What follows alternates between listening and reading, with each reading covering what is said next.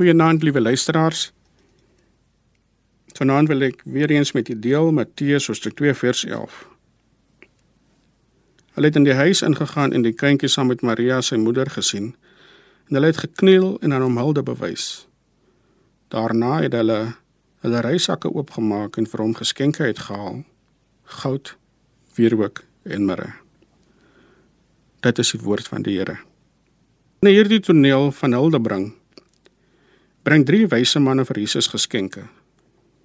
Ek wonder tog as jy al die geld in die wêreld sou gehad het, wat sou u vir Jesus gekoop het of gebring het? Die wyse manne se geskenke was goud, wierook en mirre. Die eerste geskenk, naamlik goud, verteenwoordig mag en aansien. Maar nie soos die van koning Herodes nie. Jesus het nie sy mag en aansien misbruik nie. Hierdie geskenk van goud voorspel dat hierdie kind wat gebore is, mag sal hê. Die tweede geskenk, naamlik wierook, verteenwoordig die heerskappy en koningskap van Jesus Christus. Hierdie geskenk aan Jesus voorspel dat hy nie net die koning van die Jode sal wees nie, maar sal heers oor die ganse mensdom in nederigheid.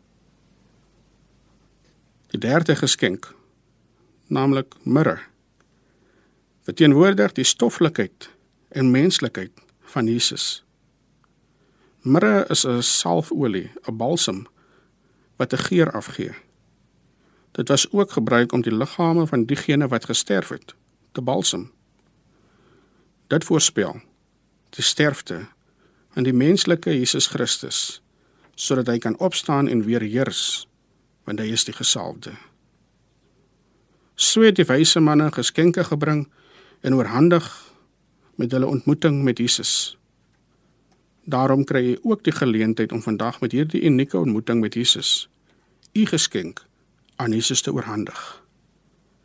My geskenk is my lewe dat Jesus my sondige lewe moet neem.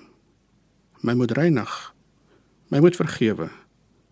My moet gebruik want ek wil my totale lewe aan hom wy. Amen.